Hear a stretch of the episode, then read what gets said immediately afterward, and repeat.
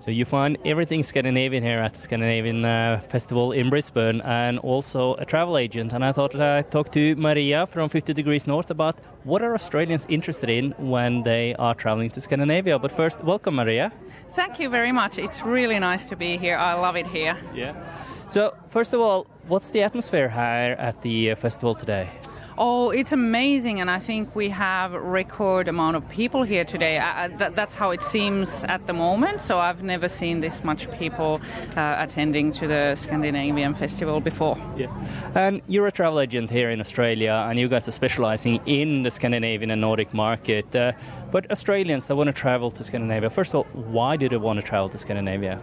Oh, I think that um, what is drawing them there is the nature and our way of life. They many many people know that Scandinavians are one of the happiest people on earth and they know the nature. So, on the summertime, let's say Norway's fjords are, are something that is really popular, and in the winter time, the whole winter experience in Lapland with Santa Claus, maybe, um, and, and being really co- in a cold environment, that's an experience um, the Australians are looking and let's say they are looking for experience, not that much of of sightseeing or, or, or that sort of things. The experience is, is something uh, on top of their list they are looking for. So, if an Australian want to travel in the summertime, you did mention the Norwegian fjords, but uh, how would a typical trip look like? I guess they're not only doing the uh, fjords. Um, look, I would. Uh, we, we, we often recommend to, to visit few of the capital cities. That's really nice. But what our company is also specialized is in is is is uh, we try to do something very local and add a local experience.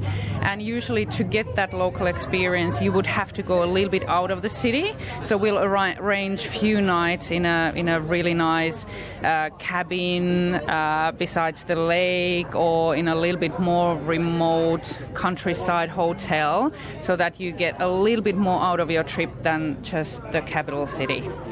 And a wintertime traveler, if Australians even do wintertime, it's a totally different climate. Uh, what will they be looking at then? usually, usually it would be um, a, a, winter experiences like um, husky sledding and, and, reindeer rides. We try to to um, embrace them to visit Sami villages or, or, or uh, learn a little bit more like Sami culture. We also like to, or we suggest them to go to a little bit more remote places where they can get the really, really uh, authentic experience instead of those more touristy cities like like Rovaniemi.